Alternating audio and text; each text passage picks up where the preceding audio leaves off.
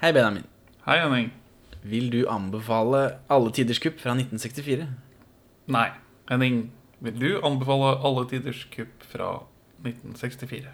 Nei. Perla for svin.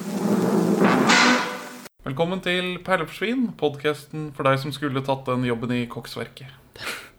Vi er to middelmådige menn i 30-åra som ser norske filmperler. Og i dag har vi sett Alle tiders kupp.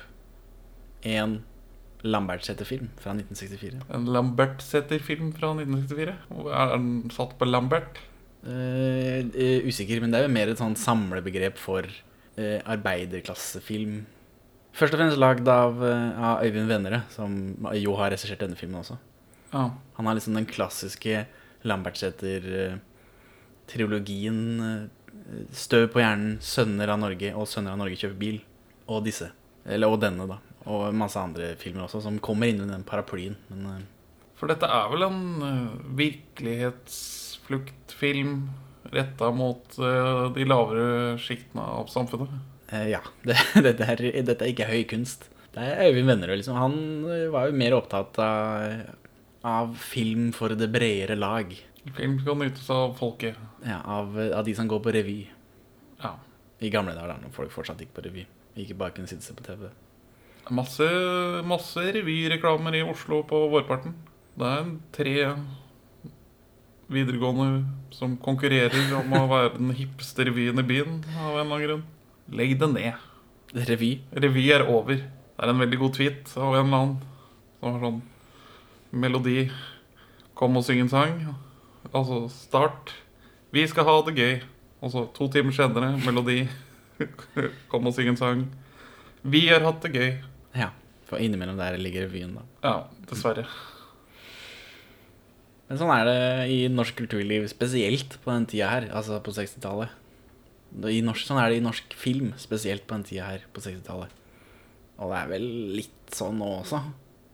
På, I brede komedier, Ja, lenge siden jeg så en bred norsk komedie på kino. egentlig. Siste revejakka, kanskje. Er den så bred, da? Ja, den handler jo på en måte om det samme, for så vidt. Vi har tiårs bryllupsdag i morgen. Jeg vet det. Du, Hva syns du vi skulle spise? Spise? Jeg har invitert mor og far og tante Sara. Jeg får ikke mer forskudd. Du, Vi snakket om dyrestek og rødvin. Ja, Den til seks kroner. Øyvind Vennerød. Hvem, Ja. er, hvem er det, Benjamin? Eh, Den ene halvdelen av Vam og Vennerød. Nei, det er faren til en av halvdelen av Hva med Vennerød. Ah, fuck. Yes, for det hørte jeg du sa. tenkte jeg, nå skal jeg ta deg på, det skal jeg ta deg på, på teip. Jeg er ikke Vennerød-entusiast, verken far eller sønn. Nei, men er Øyvind Vennerød han eh, slang jo rundt i kulissene på disse Hva med Vennerød-filmene. da. Så, Men han er ikke, det er ikke han som er Vennerød i, i Hva med Vennerød. Nei, det er noen ny, nykomlinger som starter rundt 70-tallet, da, eller? Ja, det er vel noe sånt. For det er vel noe greier før de tar av med den kalkunen sin. Hvem av de? Eh, De to kompisene. Skal vi ha gelé til middag? Lasse og Geir. Gelé til middag? Nei, jeg orker ikke. Jeg er glad vi ikke har kommet så langt ennå. Den gikk jeg fra en gang. Jeg så den på storskjerm. Da satt jeg der i 30 minutter og så sånn Nei, det, det her holder ikke. Dette her skal jeg spare til podkasten, Jeg har bedre ting å gjøre. Så, men nå er dette første gang vi er inne i 60-tallet. Hvordan syns du Dette er første gang vi ser en film fra 60-tallet. Åssen syns du det er å være på 60-tallet, Benjamin? Du er jo godt vant på både, med både 50- og 70-tall. Ja, det, det er jo veldig kjedelig, da. du syns det? Og dårlig skrevet. Det var jo veldig mye sånn eh, eh, skattekritikk, da. Ja, det er noe sånn Altså, øh, den brede arbeider i Norge er ikke spesielt fornøyd med den velferdsstaten han er med på å finansiere. Nei. Og vi har glemt å plugge ut kjøleskapet. Vi skal gjøre det perfekte kupp. Det perfekte kupp? Vi tømmer alt på en eneste natt. Akkurat som Donner Slider han tømte Velvi Michigan-banken. Nettopp. Men hva er det vi skal tømme? Vinmonopolet. Vinmonopolet? Velkommen til Perle for svin, podkasten for deg som har kjøleskap i bakgrunnen. Ja, skattekritikk. Eh, hvem- er karakteren her? Rolf Juss Nilsen jobber for et forsikringsselskap. De sier det, men når vi blir introdusert for ham, så driver han og lager musikk. Jeg trodde han lagde jingler, jeg. Eller noe sånn de Han og Arne Bang-Hansen er hyra inn for å lage en låt til et styrefest. Ja. Så jeg trodde han drev med det, men senere så sier jo kjerringa hans at eh, nei, han jobber på forsikringsselskap. Han jobber, er, jeg tror ikke det er så nøye hvor han jobber. Han, det Poenget er at han skylder masse i skatt. Altså, han vil ikke motta noe lønn på tre måneder. Fordi han er opptatt med å betale skatt. ja.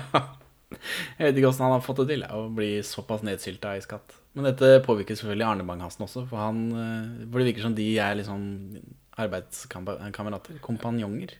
Ja, kan, kan det være så at uh, Rolf Jussen Nilsen har en dayjob på forsikringsselskapet, og så har han en sidegeskjeft med han Da burde de nevnt det. Eller forklart Ja.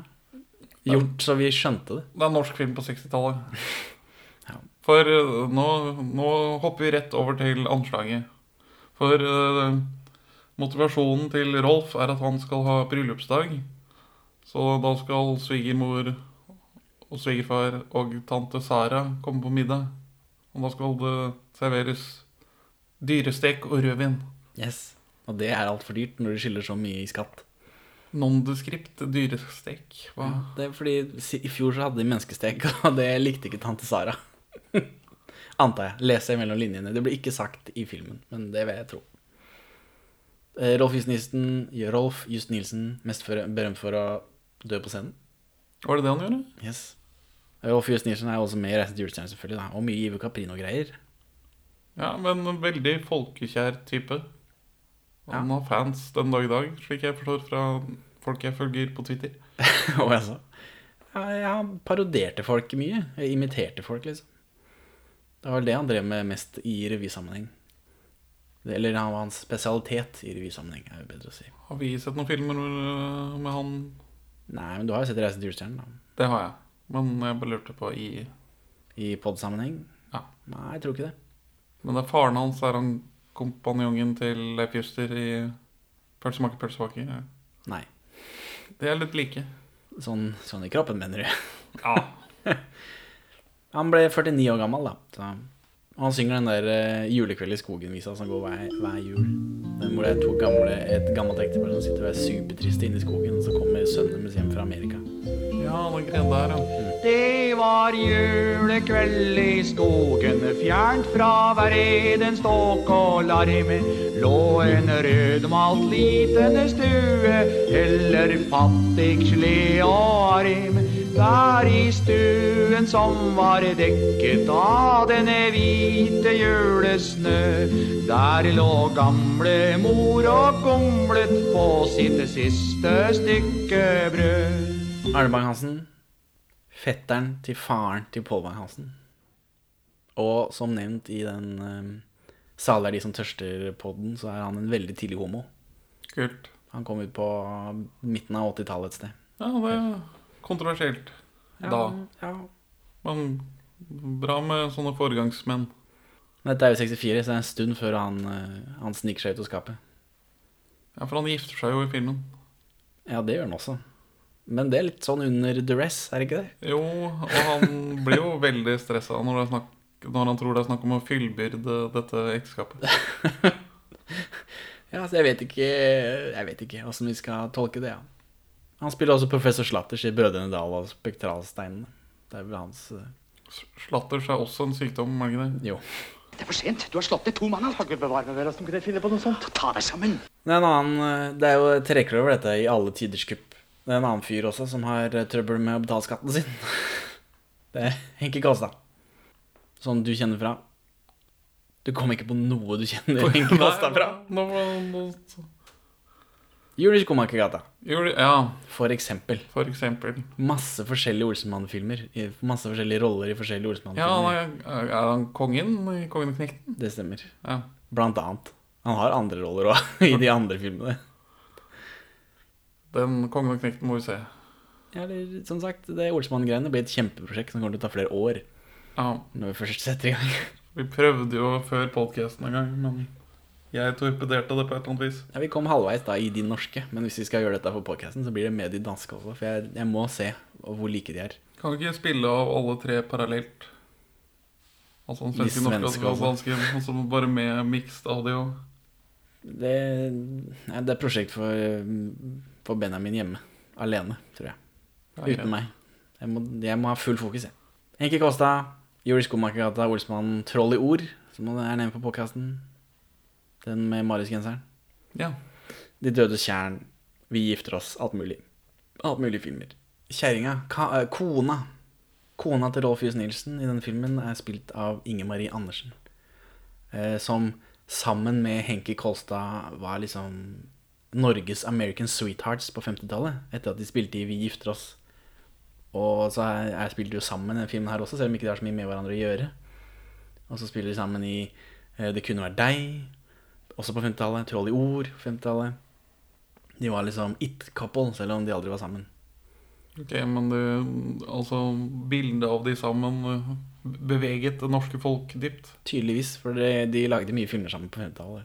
Vi skal gjøre alle tiders kupp. Hva er det skal for noe? Røve Vinmonopolet. Skal vi fortsette på filmen, kanskje, da? Så dukker resten av disse folka opp senere. For disse, de fire er vel de vi blir introdusert til først. Ja. Så starter anslaget til filmen. Motivasjon, dyresteik og rødvin. For mye skatt. For mye skatt. Ingen penger. Ingen penger. Så da går han Skattevesenet er veldig slemme. De er liksom innom hele tida, og, og selv om har- selv om de har unnskyldning Det er en sånn sjef på et firma som Rolf Just Nilsen skal lage musikk til. Og han har unnskyldninger på alt, han, men allikevel så må han betale skatt. Han har visst en firmabil, er vel det jeg forstår. Ja, Som han bare bruker i arbeidssammenheng. Og så sier han skattefyren ja, men du bor jo der og der. Ja, jeg bor i fjorden, sier han fyren. Jeg tar båt. Jaså, men til, til og fra båten, da? Nei, da spaserer jeg. Ja, nei, det sier han skattefyren. At det, det er ikke bra nok. Da må vi ta dette må skjønnslignes. Så det er vel ja Henki Kolstad opp, opplever også noe dobbeltskatt fordi han ikke har gjort ligningen sin ordentlig. eller noe sånt. Ja, det er mye, det er mye greier. Så får vi en liten sekvens hvor de driver og jobber med denne sangen. Og da synges det noe om Varg Veum. Ja, stemmer. Det, Varg Veum og Varg i Veum. Og det Hæ? jeg vet ikke. La meg slå det opp. Uh, og vi feirer i dag jubileum Da-da-da-da-da, Varg i Veum Nei, det går ikke. Varg Veum, eller Varg i Veum, er et norrønt uttrykk som direkte oversatt betyr ulv i helligdommene eller ulv i tempelet, og som ble brukt om personer som ble lyst fredløst etter å ha begått en forbrytelse på et hellig sted eller på et rett sted. Så viser det seg at Varg Veum er noe på ordentlig. Det, Så da lærte vi noe av den filmen her også. Ja, det, det er jo fint. Jeg beklager å være så lavmælt og eh, monoton. Mer enn vanlig, kanskje, til og med. Men dette var en veldig kjedelig film. Det er, det er noe å gripe fatt i her, da. Det skattegreiene, eksempel. Interessant. Eh, altså, filmen heter 'Alle tiders kupp', og så dropper vi bare planleggingsdelen. Jeg trodde, jeg trodde den filmen skulle handle om at det var en heistfilm, at det handla om at de skulle eh, De skylder så mye penger til staten at de finner ut at vi må rane Vinmonopolet. Ja, for Ja. Og så trodde jeg at den filmen skulle handle om at de planla det. Jeg trodde det skulle være en sånn Olsenmann-type film, hvor det målet, klimakset i filmen, er, eh, er kuppet. Men det var det ikke. For, Ja, for- for det kuppet gjør de bare unna i, i anslaget. For oppbygningen til en kuppfilm er vel funnet opp før dette, er det ikke det? Ja, det skal jeg tro. Men oppbyggingen til en kupprevy er vel kanskje ikke funnet opp sånn helt ennå? nå viser det seg jo at poenget med denne filmen er det som skjer etter kuppet. Ja, for kuppet er vel kanskje den uh, omsetningsbiten av tyvegodset. Ja, eller er det som er, eh, som er poenget med filmen, ja. Men jeg visste ikke det på forhånd. Jeg har ikke sett denne filmen før. Tro det eller ei. Nei, jøss. Men så de skal Så anslag av hele kuppet foregår i anslaget. ja. Og de skal stjele 50 000 flasker. ja. For når de skal rane Vinmonopolet, så skal de ta flaskene, ikke, ikke penger. Ja, jeg tror ikke de rører kassa Nei, jeg tenker ikke på det. De er opptatt med alt mulig annet rart. Så. Men de får med seg Det er Rolf Jusnissen som tydeligvis har denne planen klar. Dette har han tenkt på mye uten at vi har fått noe, eh, noe hint om det. Ja, det er noe man snakket om tidligere, eller noe sånt. Off, Ja, fordi. Arne, Arne Bang-Hansen, eller eh, Rolf Jusnissen får ganske raskt Arne Bang-Hansen med seg på laget. Fordi Arne har snakka om dette før, og da må han tydeligvis bare fullføre det. Eller gjennomføre. Ja, han er bundet av en eller annen brorskapsed. Og da, da drar de inn til Henki Kolstad, som også er en kamerat tydeligvis, og sier at vi skal ranne Vinmonopolet, du må kjøre bil. Og han bare og så, og så gjør han det. ja. Han har én bil som ikke fungerer så godt. Ja, for han har jo ikke har han penger til drivstoff. Det snakker han mye om, og det hadde jeg jo regna med kom tilbake, men det gjorde det ikke. Nei, vi ser han dra og fylle drivstoff eh, etter at han ikke har noen penger, og så får han bare drivstoff, og så Ja, Men det er etter kuppet, så jeg trodde dette at ikke han hadde drivstoff skulle spille, spille en rolle i det kuppet. Men eh, fordi da ennå så trodde jeg at eh, filmen var, skulle være kuppet. Men det var det jo ikke. Og så skal de bare sette i gang med dette med en gang. Det går, det går fort unna. Og rundt dette kuppet deres. Ja. Rolf Just Nilsen og Arne Bang-Hansen bryter seg inn på Vinmonopolet. Det er påskehelg, da, så det er veldig mye, veldig mye sprit der. Ja. Det er helt tjokka fullt, vil man si. Ja, og det er to personer som jobber der fra før av. Ja. Og vi vet jo ikke hva planen deres er, altså hva planen til Rolf og Arne er, for de har jo ikke sagt noe. De bare, de vet det. De kommer seg inn dit på et eller annet vis, og så fyller de grus i sokkene sine. Ja, eller han, Arne har en sokk full av stein, og så er det dessverre høl i den sokken, altså da begynner sanda begynner å renne ut. Og så skal han prøve å ta den andre sokken sin, men den er det også høl i. Så da må han låne en sokk av Rolf. Og dette det er humor da, på 60-tallet. Ja, når de er ferdig med dette, så ser vi dem sitte på På disken der inne og ha bare én sokk hver. Ha! Gjennomført. Men Så de har denne sokken med stein, og så kommer, kommer en av de som jobber der ut, og så klubber de han bare ned. Ja. Det var eh, overraskende, vi som er vant til å se Olsmann-filmer. Det er ikke så mye klubbing. Nei, Det er noe, men ikke sånn av uskyldige, tilfeldig forbipasserende. Han ene som blir klubbet, er jo kjent som vaktmann i Olsmannen. Ja, I flere O- Olsmann-filmer. Flere forskjellige vaktmenn, tror jeg, for de er ikke så nøye på akkurat det. Nei, altså Når Bovim pantsetter huset, så Må alle trå til. tar man betalt som tilfeldig vaktmann. Eh, O- Olsmann-regissør Knut Bovim. Mens, eh, mens, eh, mens Rolf og Arne holder på med dette, inne hos Henki Kosta, så sliter han med å få i gang denne bilen. Og da får han besøk av sin niese, Mette. Mette. Eh, spilt av Liv Thorsen, som jeg spurte om du kjente igjen. Det gjorde jeg ikke. Det er Elna i Mot i brøstet. Mora til Nils i Mot i brøstet. Det var nok ikke lite jeg måtte forsake med to skrikerunger i huset. To er ikke jeg enebarn, ja. Jeg snakker om da faren din levde. Men er noe yngre, da. Bitte litt. Bitte litt. og, og, for, og hun vil ha med seg onkelen sin på kino, på Eldorado, for å se en seksløper. Og så ble ikke vi helt enige om hva det var. Min teori er at det er en cowboyfilm. Ja, men ville hun ikke sagt western, da? En seksløper? Western det er for amerikanisert. Vi prøver å lage våre egne begrep. Ja, for min teori er at det er seks ruller. Det, det betyr en lang film på 60-tallet. Ja, det er omtrent 90 minutter. Men denne filmen er jo også omtrent 90 minutter, så jeg vet ikke.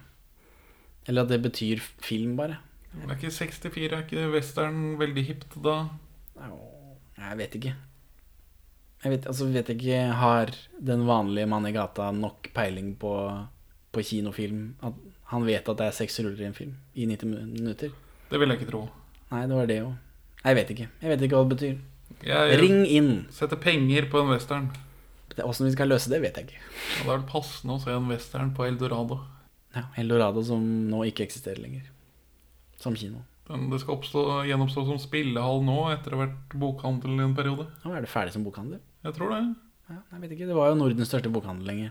Den siste filmen jeg så der, var eh, Wolverine. The Wolverine? Eller Origins? Origins. Den dårlige. Den superdårlige. Ja. Jeg har vært der og sett på film, men jeg husker ikke hva. Eh, Uansett, nok, nok om det. Det passer ikke akkurat nå. Du får komme igjen til uka. Nei, ikke tøys, onkel Jens. Jeg må reparere vogna, ser du. Jeg skal hjelpe deg. Så går vi på kino etterpå. Kino? Ja, Det går en fin seksløper på Eldorado. Seksløper? Bilen til Henki Kosta starter selvfølgelig ikke. Det, Ruske forgasseren. det måtte jo skje. Ja, Elna eh, Jeg mener det er ruske forbatteren for, i forgasseren. Ja. For hun har tydeligvis peiling på bil, i tillegg til at hun også er skarpskytter.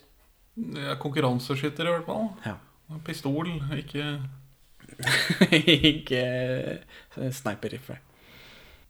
Mens Arne og, og Rolf er, driver og det, utfører dette kuppet, så ringer de Det er mye sånn telefonhumor. Mye telefonhumor som ikke går noe sted. Så det, det er folk som ringer, og så må de late som de er folk som jobber der. Eller på et tidspunkt så ringer politiet, og så må de late som de er vaktmesteren. Og. Den første som ringer, er vel Henki eller noe annet. Nei, det er, det er noen som ringer, og så tar Arne denne telefonen, og så blir han redd og legger på. Og så begynner de å fablere om Å, søren, det var sikkert Henki Kolstad som ringte. Men så ringer de til Henki Kolstad. Det virker ikke som han har prøvd å ringe de, så jeg tror nok det var noen andre. Stor, stor humor. Ja, jeg vet ikke, det tror jeg ikke de hang seg så mye opp. Klipp telefonledningene. Legge av røret. Eller legge av røret. Ja, men det gjør de ikke. De legger på igjen. Altså, men det er mye av det, veldig mye av det, og det går ingen steder. Så det, det kan du fint eh, klippe ut av filmen hvis du skal se det. Du kan spole over de delene, kjære podcastlytter. Men gutta boys, eh, de klarer å kuppe Vinmonopolet. Ganske, med unntak av alle disse telefonene, så går det ganske greit. Ja, også de fulle mennene på kottet. For de slår ned disse gubbene, og så begynner de å De syns det er litt sånn ufint da, å bli låst inne. Så, så da Da bare de da Arne slipper av et par flasker eh, med sprit til dem. Ja, Og så spør eh, vaktmannen fra Olsenmannen om de har Har de, har de en Selters? Ja, det er en gjennomgående vits i denne filmen. spør om de har eh, selters. Gjentakelseshumor. Det er moro, det. Henki Kosta får til slutt eh, starta bilen ved hjelp av Falken. og så, og så, så tømmer de bare Vinmonopolet. Og, men når de kjører denne bilen fram og tilbake, så får vi noen bilder av gamle Oslo. Alltid gøy, det. Det kommer en trikk forbi for alle trikkentusiaster. Ja, dette er jo en togpodcast. En skinnepodcast. Ja. Og så når kvelden er over, så er alle veldig, veldig trøtte og slitne. Ja, kvelden er over. Det, altså, det har vært dag for dag som har vært natt. Ja, fordi det er filma på dagen. De har ikke prøvd å skjule det. Men det refereres til at det er midt på natta. Selv om det er skygger overalt, og du ser, ser det er midt på natta. Selv om sola står og steker over dem. De har ikke prøvd. Nei, du må bare ta dem på ordet. Det er, det er natta, da er det natta. Politiet kjører Volvo, vi ser en politibil her. De kommer i Volvo. Norsk filmbingo. En selters? Dagen etter, da, når de har fylt opp den enorme garasjen til Henki Kosta full av ka- kasser med sprit Uendelig på kasse. Det er som det um, kasserommet i slutten av Indiana Jones. Ja, masse. Bare at med Vinmonopolets klassiske trekasse. Så kommer Elna innom, da. Eh, Og hun snakker veldig fort, og hun skal øve på pistolskytinga si akkurat eh, i garasjen til onkelen sin. Uten at han uh, syns det er noe god idé, for han har jo eh, garasjen full av tjuvgods. Ja, og så Hun bare smekker opp noen uh, blinker, peng, peng, pang, og så blir det peng, peng, peng. peng, peng. Ja, så plaffer hun bare løs. Jeg trodde vi skulle få se at, at hun var skikkelig god til å skyte, og at det kom til å, å ha noe At det hadde noe relevans for historien videre. Men det hadde det ikke. Det er bare et forstyrrende element. Det er bare for å få ut den vitsen at Arne og Rolf ligger og sover inne i lastebilen på andre sida av veggen hvor hun driver og skyter, og de tror de er omringet. Og Dette er vel før give-outen og payoffen kom til Norge. Ja, det, det virker sånn. På den filmen her, i hvert fall. Så Arne og Rolf er veldig redde da, for at de er omringa. Og så slutter Elna å skyte, og jeg tror hun går sin vei også. Og da er de ikke redde lenger, selv om ikke de vet hva som skjer på andre sida av veggen. Så det er som om de, har, de også ser den filmen vi ser på. Ja, flaks, flaks for oss. Men i all denne I alt dette maset med, med å rane Vinmonopolet og være trøtt etterpå, så har Rolf dessverre glemt at svigers sitter hjemme hos den. Venter på dyrestek og rødvin. Sekskroners rødvin. Seks kroners rødvin, dere. Det, med- det tror jeg må være en sånn billig rødvin. Fordi spritflaskene deres koster jo 54 kroner. Ja, men Ja, vin er, er jo litt billigere enn sprit, da. Det blir jo veldig mye billigere hvis det er seks kroner. Du kan ikke skyte her, Mette! Yes, da! Rolf, Arne og Henki, egentlig, Ja, de kommer en tur. kommer sjanglende inn eh, dø døra det, til uh, leiligheten til Rolf, da. Hvor svigers og tante Sara sitter, og, eh, og kona til Rolf er, er bekymra for hvor han er blitt av. Så de kommer sjanglende inn, Hyllene og skrikende selvfølgelig, for de er jo fulle. De, de smaker litt på eget produkt her. Ja, de har med hver sin kasse. Hver sin kasse med sprit. Don't get high on your own supply er vel et kjent begrep. Det er det. Og da friker hun Inge Marie da, ut eh, over denne dyresteken sin, og eh, hvordan har du fått råd til all, all denne spriten? Jeg har hevet over det. Og så er det sånn eh, vi er fulle på filmhumor. Ja, Sara, tante, gamle tante Sara er veldig begeistret for mengdene drikke. Hun har ikke drukket så godt siden sin bryllupsdag. Var et sånt en vase av et vinglass. ja, hun, hun er litt livatt, da, mens eh, svigers eh, svigermor er kanskje litt eh, kjipere. Men det er sånn Ja, det er, det er den type humor, da. Jeg syns svigers ser ut som de folka som ser på billøpet i Flå- Flåklypa Grand Prix. Ja, Når de sitter hjemme høres riktig ut. med sånn sjal over seg, og det er liksom uh, Men gutta boys er jo såpass sultne at de ikke klarer å vente på denne dyresteika, så de går ut for å kjøpe pølse. Jeg tror de stjeler en pølsebod. Ja, for eh, Ja. Det virker som det For det er et plottpoeng ja senere. At politiet har to saker på sitt bord. Det er det, Det er det enorme spritinnbruddet på Vinmonopolet og en pølsebod. Som er eh, forduftet. Mm. Fordi den står i stua til Rolf Just Nilsen. ja, fordi jeg har stjålet den og satt den der. Fullt fungerende. Opp trapper. Så de, de spiser pølser da, og koser seg. Og så tror jeg de Og så etter dette så skal Arne Bang-Hansen skal leie. Han vil leie et rom, for han er tekstforfatter, da. Ja. Han er faktisk forfatter. Han jobber ikke på forsikringsselskap. Og for å gjøre det så syns han det er så fint i oppgangen til Rolf, så han går innom vaktmesteren for å høre om han har noe, fyr, noe hyre. Her har vi et kjent fjes Denne vaktmesteren er Karsten Byring. Kjell i Olsenbanden. som ikke vil ha noen nye leieboere. Nei, han er litt sånn øh, Han vil ikke være med på dette. Men Arne har selvfølgelig med seg det eneste han kan betale med. Det er sprit. Så etter tre flasker så blir han litt mer medgjørlig.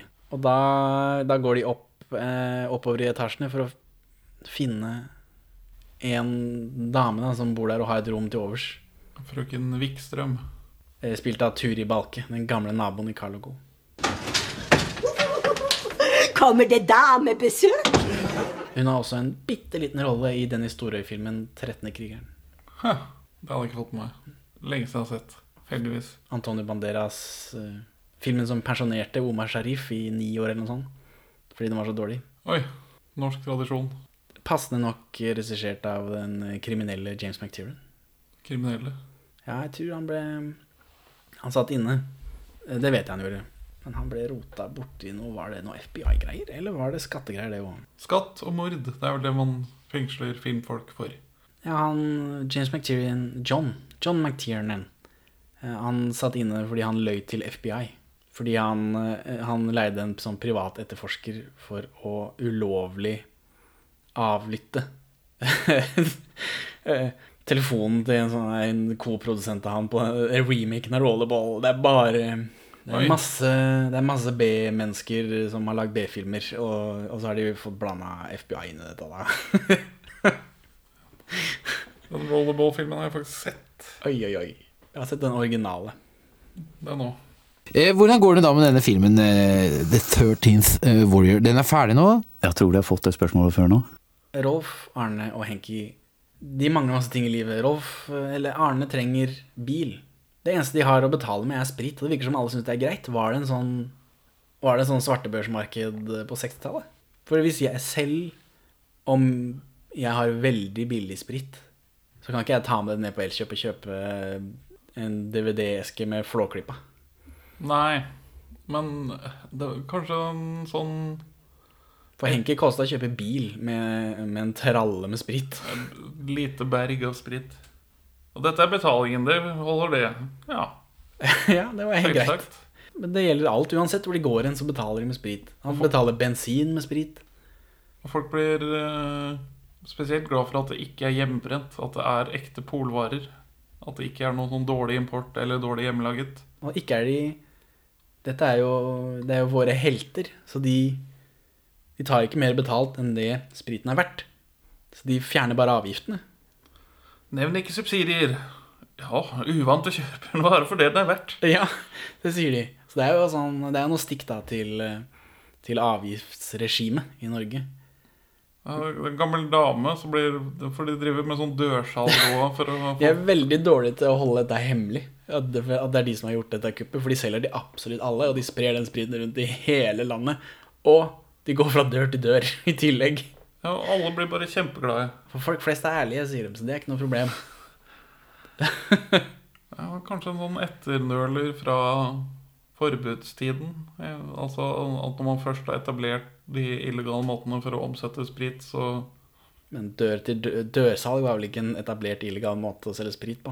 Nei, det har ikke helt samme svungen som en speakeasy med Nei, men de går jo innom barer også og selger. Men, men også dørsalg. Da syns jeg ok, nå er det noe bedre bare å, bli tatt. Men folk flest er ærlige, så det, de blir ikke tatt på De blir ikke tatt gjennom noen de kjenner.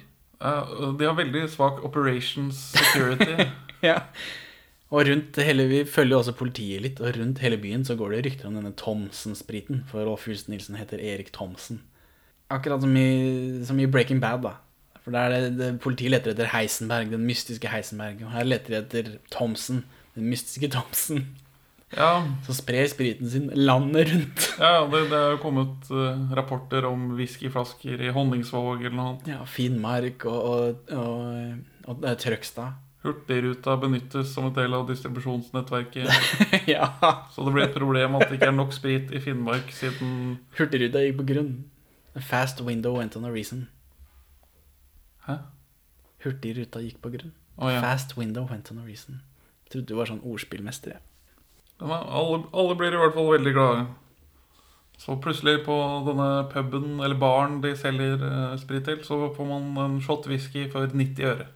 For det er en, en flaske som egentlig med avgifter koster 54 kroner å kjøpe, er nå redusert til 10 kroner. De selger for 10 kroner. Men de kunne jo fint solgt det for 20. Det er fortsatt eh, veldig mye billigere enn en vanlig. Men det Ja. gjør det ikke, for dette er filmens helter. Ja, men, men Rolf sier vel også Ja, det er for filmens helter, men han sier vel òg at de skal kvitte seg med bevisene på under en uke. Ja, men det kunne de gjort for 20 kroner også, tror du ikke det? Jo, nordmenn er drikkeglade. ja. Men så, så får de plutselig offscreen den organisasjonen. Nå inne på det lageret til, eh, til Henki Kolstad der, sånn, så er det, det er masse folk som jobber. De laster biler, og det, ordner, det blir aldri mindre. det ser Nei. ikke ut til å bli tomt. Så det var et morsomt humorgrep. At det er utømmelig, dette lageret deres med sprit. Får vi noen sånn visual gag med Først kjører en varebil ut av lageret deres, og så en fullastet campingvogn. Og så kommer noen med en barnevogn. Ja, det er Arne. Arne med en barnevogn. Han, Arne, med denne barnevognen så drar han innom eh, melkebutikken. For, for de har bestilt sprit. Ja. Og hvem er det som jobber i melkebutikken? Aug. Aud Schønemann. Sjølveste. Hun har én scene som hun blir en, en scene hun gjør absolutt det meste ut av. For hun driver jo denne melkebutikken, og så er det fest innpå der. Og da kommer politiet nå, for nå begynner politiet og de skal ha crackdown på all denne spriten. Hun har hatt åpent etter klokken fem på lørdagen før palmesøndag. Ja, og det er ikke lov eh, Det er ikke lov generelt, men i hvert fall ikke for en melkebutikk. Det er heller ikke lov med spritutsalg der. Hun forklarer det med at eh, det er bryllupsdagen hennes. ja, ja. Gjentakelseshumor, dere. Ja, og så, og, så spør han politimannen etter gubben hennes, og så sier hun at han er død, og så begynner hun å juksegråte. Og det er eh, det, den, den scenen likte jeg. Jeg kjenner igjen Aud, liksom. Ja, og hun var uh, kurer for motstandsbevegelsen under krigen. Ja, for den barnevogna han, eh, gubben, eller han politimannen lurer på den her barnevogna hvis gubben hennes er død. Og så sier hun nei, for det, det er sånn juksegrining i den barnevogna. Og da sier du at ja, nei, den vogna, den eh, det er fra under krigen. Den har jeg hatt mye rart oppi. Morsomt, jeg vet. Ja, det er Al Aud Schønemann kan ha vært XU-agent for alt vi vet. Sånn uh, honey trap. Ja. honey trappen er skjønner man. XU-nettverket ble jo holdt hemmelig frem til 1985 eller noe annet. Så en del hemmelige agenter på norsk side ble dømt som ble dømt under landssvikeroppgjøret. Fordi at de gjorde det under ordre fra London, var fortsatt hemmelig. Det er ikke lov å være oppe etter klokken fem. Det er bryllupsdagen min. Og den feirer i melkeforretningen. Det var der jeg møtte mannen min. Hvorfor er ikke han med? Han ligger under torven. Jeg spurte hvor jeg hadde fått tak i brennevinet. På Vinmonopolet. Siden mannen min døde, må jeg kjøpe inn alt selv. Bare originalvarer. Mannen min vil ikke se noe annet. Ja, men han er jo Under torven, ja. Akkurat som det skulle gjøre noe bedre. Hun er, hun er 42 i den filmen her. Men hun ser jo fortsatt ut som hun, eh, som hun gjør i Fredriksson Fabrikk og nummer 19. Ja, hun holder seg vel ganske lik i sånn 60 år. Jeg tror det. Hun, hun har holdt seg dårlig lenge. Men hun var morsom, da. Aud don't crack. Det er sant. Så får uh, Rolf noe kjeft av kona. Ta med deg pølseboden og forsvinn. For hun eh, vil ikke være med i det snuskeriet hans på et eller annet vis. Ja, for han hiver 5000 kroner på henne og masse gaver og sier 'se her, nå er alle våre problemer over'. Og så blir hun eh, skeptisk. Hvor har du fått alle disse penga fra? Disse pengene har du ikke tjent på ærlig måte. Nei, men de er ærlig fortjent. ja. Så da blir hun sinna, og så, og så går Rolf. Han orker ikke dette kvinnfolkmasse. Og så driver han med spriten sin igjen og, og driver med noe humor der. Men mens han holder på med det, så er Inger Marie hjemme og tar denne pølseboden ifra hverandre i småbiter. Ja, Den var vel kanskje litt vanskelig å få ut. Det gikk uproblematisk å få den inn, men hun er alene om det, da. ja. og mens det skjer, så han politimannen De leter etter Thomsen. Og så har de trodd at, lenge at det var en internasjonal bande. Men så har det gått opp i lys for han kanskje bare er en fyr. Hvor mange Thomsener er det i Oslo? Og det, det er vel bare Rolf, da, for de drar først hjem til han. Ja, bare rett dit. Så da, og da er Inge, Inger, Inger Marie alene hjemme med den pølseboden i biter. Så når det banker på, da, så må hun gjemme unna noen biter, og så er det noen biter hun ikke får gjemt helt unna, og legger det bare bak døra. Politiet begynner vel å se et sammenheng mellom den forsvunne pølseboden og Og dette enorme sprittyveriet. Ja, for du vet, det er jo ikke mer enn én kriminell i Oslo eh, av gangen. Nei. Så da blir Inger Marie spurt ut av denne politimannen, og hun Nå har hun plutselig snudd. Hun er liksom, Nå vil hun beskytte Rolf. Ja, hun klatrer ved en stige.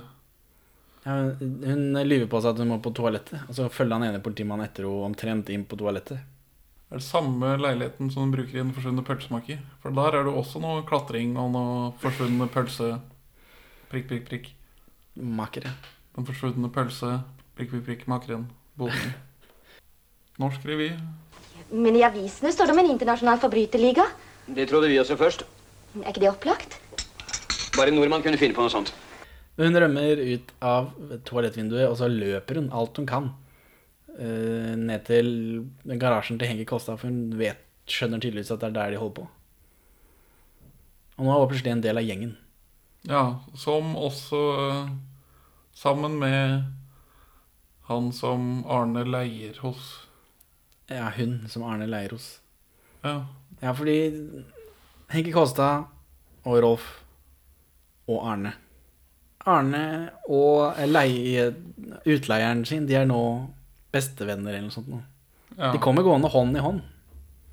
Litt grann så slipper de henne, for da må de gjøre ting. Ja, og hun har eh, lagt han i seng etter han er så sliten etter å ha solgt sprit hele dagen. Så det, jeg vet ikke, det er noe på gang der. Men så forteller Inger Marie at eh, politiet er, eh, de er på oss, Rolf. Vi må, vi må rømme landet. Vi må rømme til Sør-Amerika eller noe sånt. Å, men vi har jo ikke pass. Det får vi ikke tak i. Og så sier Arne nei, du kan få låne passet mitt. Og så sier de som rett er at ja, men det, vi, vi ligner jo ikke på hverandre. Nei, jeg kan erstatte bildet. Null stress. Men vi må ha stempel også, for det må man tydeligvis ha på pass, passbildet i gamle dager. Og det fikser jeg også. Arne fikser det meste, det er ikke noe problem. Men så må han Rolf ha med seg kona si også, og da må Arne gifte seg med Kunne koner reise rundt på mannens pass. Det høres veldig saudi-arabisk ut. Ja, skal ikke se bort fra at det var sånn. Men det er Nei, i hvert fall det som er løsningen i filmen her. sånn. Det må, noe må det være. Og den derre eh, husmorloven kommer vel ikke før i 1970, tror jeg, som sikrer eh, kvinners rettigheter sånn bitte litt. Ja, nei, jeg vet ikke. Men det er, det, er, det er sånn de legger opp i den filmen her, i hvert fall. Så da, ja, da må han gifte seg. Og det, Han er veldig skeptisk sånn til å begynne med, og så blir det klart for alle at det er utleieren sin han må gifte seg med, og da blir hun også litt skeptisk. Så det var jo hyggelig da, at begge er litt sånn skeptiske. Så ikke det er bare han som er redd fordi han er eh, egentlig er homofil. Ja, nei, det, det, det virker litt rart sidespor i plottet her. Ja, veldig. Men de må fylle disse 90 minuttene nesten. da. 83 minuttene med noe. Men så de, de tar og flytter eh, de, Så mens Arne og Turi heter hun i, i Eller på ordentlig. Turi Balke. Turi Balke og Arne Bang-Hansen Mens de drar for å gifte seg, så tar Rolf og kona og drar til tante Sara for å Gå i dekning. Ja, og gjemme de resterende 20 000 flaskene som er igjen. Ja, Hvis de har klart å selge 30 000, da, spre 30 000 flasker over hele landet. Og da skal hun selge dypfryseren. Fordi hun, tante Sara, fryser ned vin og konjakk og sånt noe, for da fryser alt det som ikke er alkohol, og så kan du bare ta det som er på toppen. Som da er bare ren alkohol. Ja, hun er glad i å drikke, hun tante Sara. Ja. Jeg vet ikke om det går an, jeg, men eh, det virker som tante Sara har peiling. Tenk at eh, byfogden sa ja så fort. Ja, jeg sa du var gravid med tvillinger.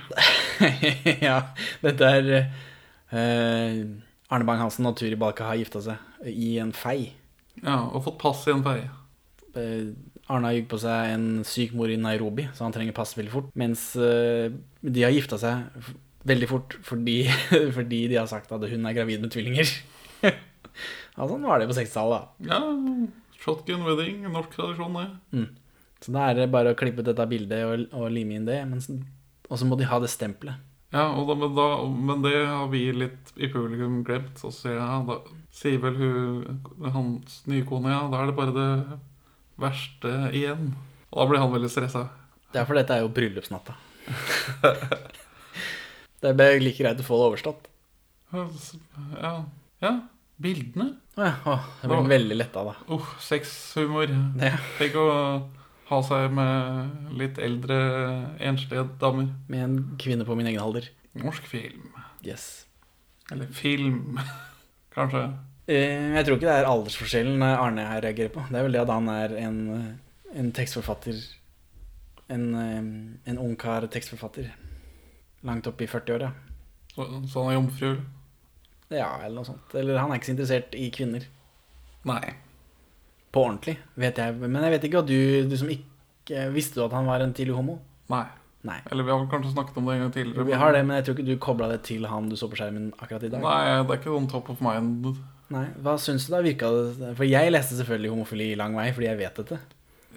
Jeg, jeg syns det virker noe kontroversielt å flagge med i 1960. Men altså, kanskje det er sånn det skal være morsomt for de i miljøet som ser på.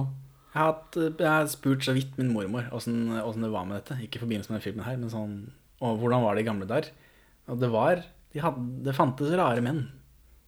Var liksom svaret. Det var sånne raringer som de hadde sånn knekk i håndleddet og, og bodde alene hele livet. Ja. Og det var sånn Så, så det var jeg tror det var en stereotype. At tabuet var løst ved at man ikke gikk noe mer inn på den. At de var, det er noe med de, men vi bare lar de holde på det. Ja. Så jeg forsto det som det var noe sånt, da. Men jeg vet ikke hva du syns. Som ikke vet at han var homo på ordentlig. Kanskje. Men han eh, Hva tenkte du når du satt der, da? Det er det jeg lurer på. Eh, Jeg tenkte det var litt uklart. Men uansett så skal de ordne dette stempelet på det bildet. At det, det gjøres ved kvinneskriking. Åh, åh! Ja, det, det er nydelig. For Turi Bake går da inn på kontoret til en sånn politimann-type. Passtype. Han sitter med et stempel og stempler ting. Politiadvokat. Er mulig. Og så, og så begynner hun å hyle og skrike, og så besvimer hun foran pulten. Og han politimannen blir selvfølgelig litt sånn bekymra. Hva er dette for noe? og Arne styrter inn og sier å, kamferdråper! må ha kamferdråper!' Og da løper han politimannen ut for å ordne det, da. Og da holder de på med stempel og ordner og styrer. Og så er hun usikker på om hun har spilt overbevisende nok, så hun driver og Ja, for hun trenger litt feedback, feedback på skuespillet sitt. Men Arne er er usikker. bare opptatt med stempelplassen. Ja, det var fint, den. Ja, høyere. Kjør, ja, kjør på. Kjør på, bare fortsett du. Det går bra. Men, men bli liggende. Hvorfor driver du og står her og snakker med meg? Så kommer politimannen igjen, og så er det sånn Begynner hun da igjen med Åh! Ja, da må hun hente vann. Så den, eh, den, den humoren der det- er jo to Det blir tre ganger da til sammen med hylling og skriking og sånt nå før Arne er ferdig. Og da Og så pakker de bare sammen og går. Ja. 'Du snakket det var bra, dette.' Og så, og så går de, og så står han politimannen forfjamsa hjem, for han lurer på hva dette var for noe. Men da har de ordna pass, og alt er i orden. Det er klart eh, for Rolf Hus Nilsen og, og Inger Marie Andersen og, til å rømme til Sør-Amerika på deres pass. Ja, via Fornebu i gamle dager. Og da får vi beskjed, eller da nevner de Trioen vår da nevner at nå har de solgt alt sammen, og de har, etter at de har betalt skatten sin, så har de et overskudd på 170 000 kroner. Ikke dårlig. I 64, kanskje? Nei, litt slapt i dag, men det er veldig mye Det virker som det har vært mye arbeid. Ja, de har jo en hel gjeng til slutt. ja, det er jo den, det organisa organisasjonsnettverket. Tror du de vil, de vil bli tatt under sånn Rico-lov når de Ja, det tror jeg. Men de sier også at de har liksom solgt for en halv million. Og det Det Jeg syns ikke det var så mye. Ja, Kanskje det var tredelt, den, øh, det overskuddet? Nei, det, for det overskuddet er 170, men de har solgt for en halv million. Hvor mange, mange Oslo-leiligheter får du for en halv million, Benjamin? I, I dag, ja. Du får nok kanskje et sånn tre kvadrats kott med stående seng. Ja, knapt. Jeg syns ikke det var så mye, da. Jeg tenker på sånn boligpriser og sånt. nå. Men du fikk vel en ganske stor leilighet for 10 000 kroner i Oslo på tidspunktet? Ja, det skal jeg tro. Eller jeg har jo jaggu meg researcha det litt en gang. Og da fant jeg en veldig stor leilighet i et skittig område. Og det var sånn 37 000 kroner i 1962. Da blir det noen blir noe leiligheter da, for de 170. Men så er politiet på sporet, da. De har jo hatt et veldig, det har vært veldig mye papirarbeid knyttet til eh, denne organisasjonen. Dette landsomspennende nettverket. Ja, for de får ordre og sånt nå. Og, og politiet er jo hjemme hos, eh, hos Inger Marie. Og så er hun på do. Og hun har jo rømt, da, så hun er på do ganske lenge. Og da begynner han politimannen å bli litt rastløs, så han går rundt i leiligheten, og så finner han det skiltet med, som det står pølser på, som hun har revet fra hverandre. Dun, dun, dun. Da skjønner jeg at her er det noe snusk. Da prøver de å få kontakt med henne på toalettet, men det er ikke så lett, da, for hun er jo ikke der. Så de bryter seg inn, skjønner at å nei, hun har rømt. Og så følger de etter henne, tror jeg. Det må være noe sånt. Ja. Eller så vet de at eh, Rolf Jus Nilsen pleier å henge på dette, den garasjen, for de kommer til slutt dit. Så finner, de finner bare korker, ikke noen håndfaste bevis. Nei, de finner én kork og et glass, for de har tømt hele den garasjen. Men så finner de noen papirer. En bestilling fordi Hurtigruta går på grunn, så de trenger mer. Aha, dette er det. Nettet snører seg rundt uh, Thomsen-organisasjonen. Thomsen-nettverket. Undergrunnsnettverket til eh, Thomsen. Og da er de på to- gjengen vår, da. De er på vei til Fornebu. Sitter bak i den varebilen Henki Kolstad kjøpte for sprit. ja, ja, det er mange av dem. De er fem-seks stykken blitt baki der. Men rett før målstreken så blir de omringet av politiet. Og stappet tilbake inn i den bilen. Ja, for de går ut av bilen, og så kommer politiet med og liksom hei, hei, hei. Og så død, jager de de bare inn i bilen igjen, og så da er de tatt. Og da får vi filmens siste avsluttende linje. Vi fikk i hvert fall betalt skatten. Ha-ha-ha-ha. Ja, og så spretter de en champagne, og så, og så drikker de dette. Og så, men absolutt aller siste scene er tante Sara som tar med seg et par kofferter som da er fulle av spritflasker, og går inn i flyplassen. Så hun eh, kommer unna da med noe sprit. Og, og, og det er det. Slutt. Ferdig. Film over. Film over. Ha det bra. Får ikke se noe mer enn det. Gå og se en seksløper fra Statene isteden. En italiensk seksløper. Eh, Ja, hvorfor vil ikke du anbefale denne filmen, Benjamin? Nei, det er jo forferdelig kjedelig. Altså, Hvis du havna i et koma på 60-tallet og våkner opp i dag, så vil du kanskje finne glede av å se den filmen her. Men vi, selv hvis du er 100 år, selv hvis du er 110 år, og dette, du var sånn midt i målgruppen når den filmen her kom, så tror jeg du har blitt så blasert fra den revyhumoren at du heller ikke vil ha glede av det. Det er sånn tre morsomme vitser og utrolig slapp eh, driv i filmen.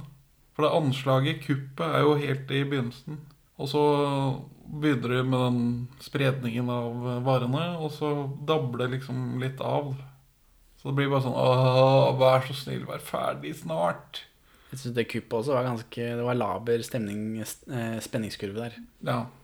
Selv om det var masse forstyrrelser hele tida, så, så hadde det jo ikke noe å si. De ordna opp i det med en gang, liksom. Det var litt spennende med de gutta på kottet, men det ble jo ikke til noe.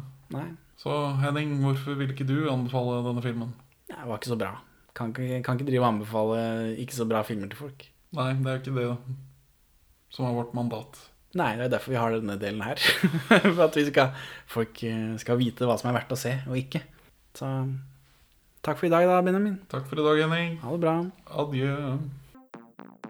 Takk for at du hører på Perler for svin. Du finner oss først og fremst på perleforsvin.no, men også på Twitter under perler-for-svin, Facebook som perleforsvinpod, eller du kan maile oss på perleforsvinpod at gmail.com. Gi oss gjerne en eh, rating i din lokale podcast-avspiller, og, og legg igjen en beskrivelse, så folk skjønner hva det er for noe tull vi egentlig driver med. Her er ukas Pål Bang-Hansen-sitat ute av kontekst. Eh, Kan ikke du si at det, eh, det virker som om buksene mine henger langt nede på låret i dag? Det virker som om buksene mine ligger langt nede på låret i dag. Har hatt med kontakt med Pål Bang-Hansen av den historien? Han har ikke det. Nei.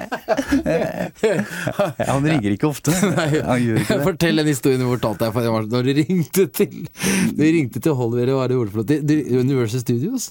Ja, der òg, blant annet. Og så var det Walt Disney i England, vel. Men det var jo for å prøve å selge, eh, selge de Karius og Baktus-filmene. Men eh, ja, ja, hvis han ser på, så Vi fikk ikke solgt den. Men jeg het jo ikke Paul Wang-Hansen, jeg het Paul Wang-Vansen. Paul Wang-Vansen, Heimdal Movies Norway.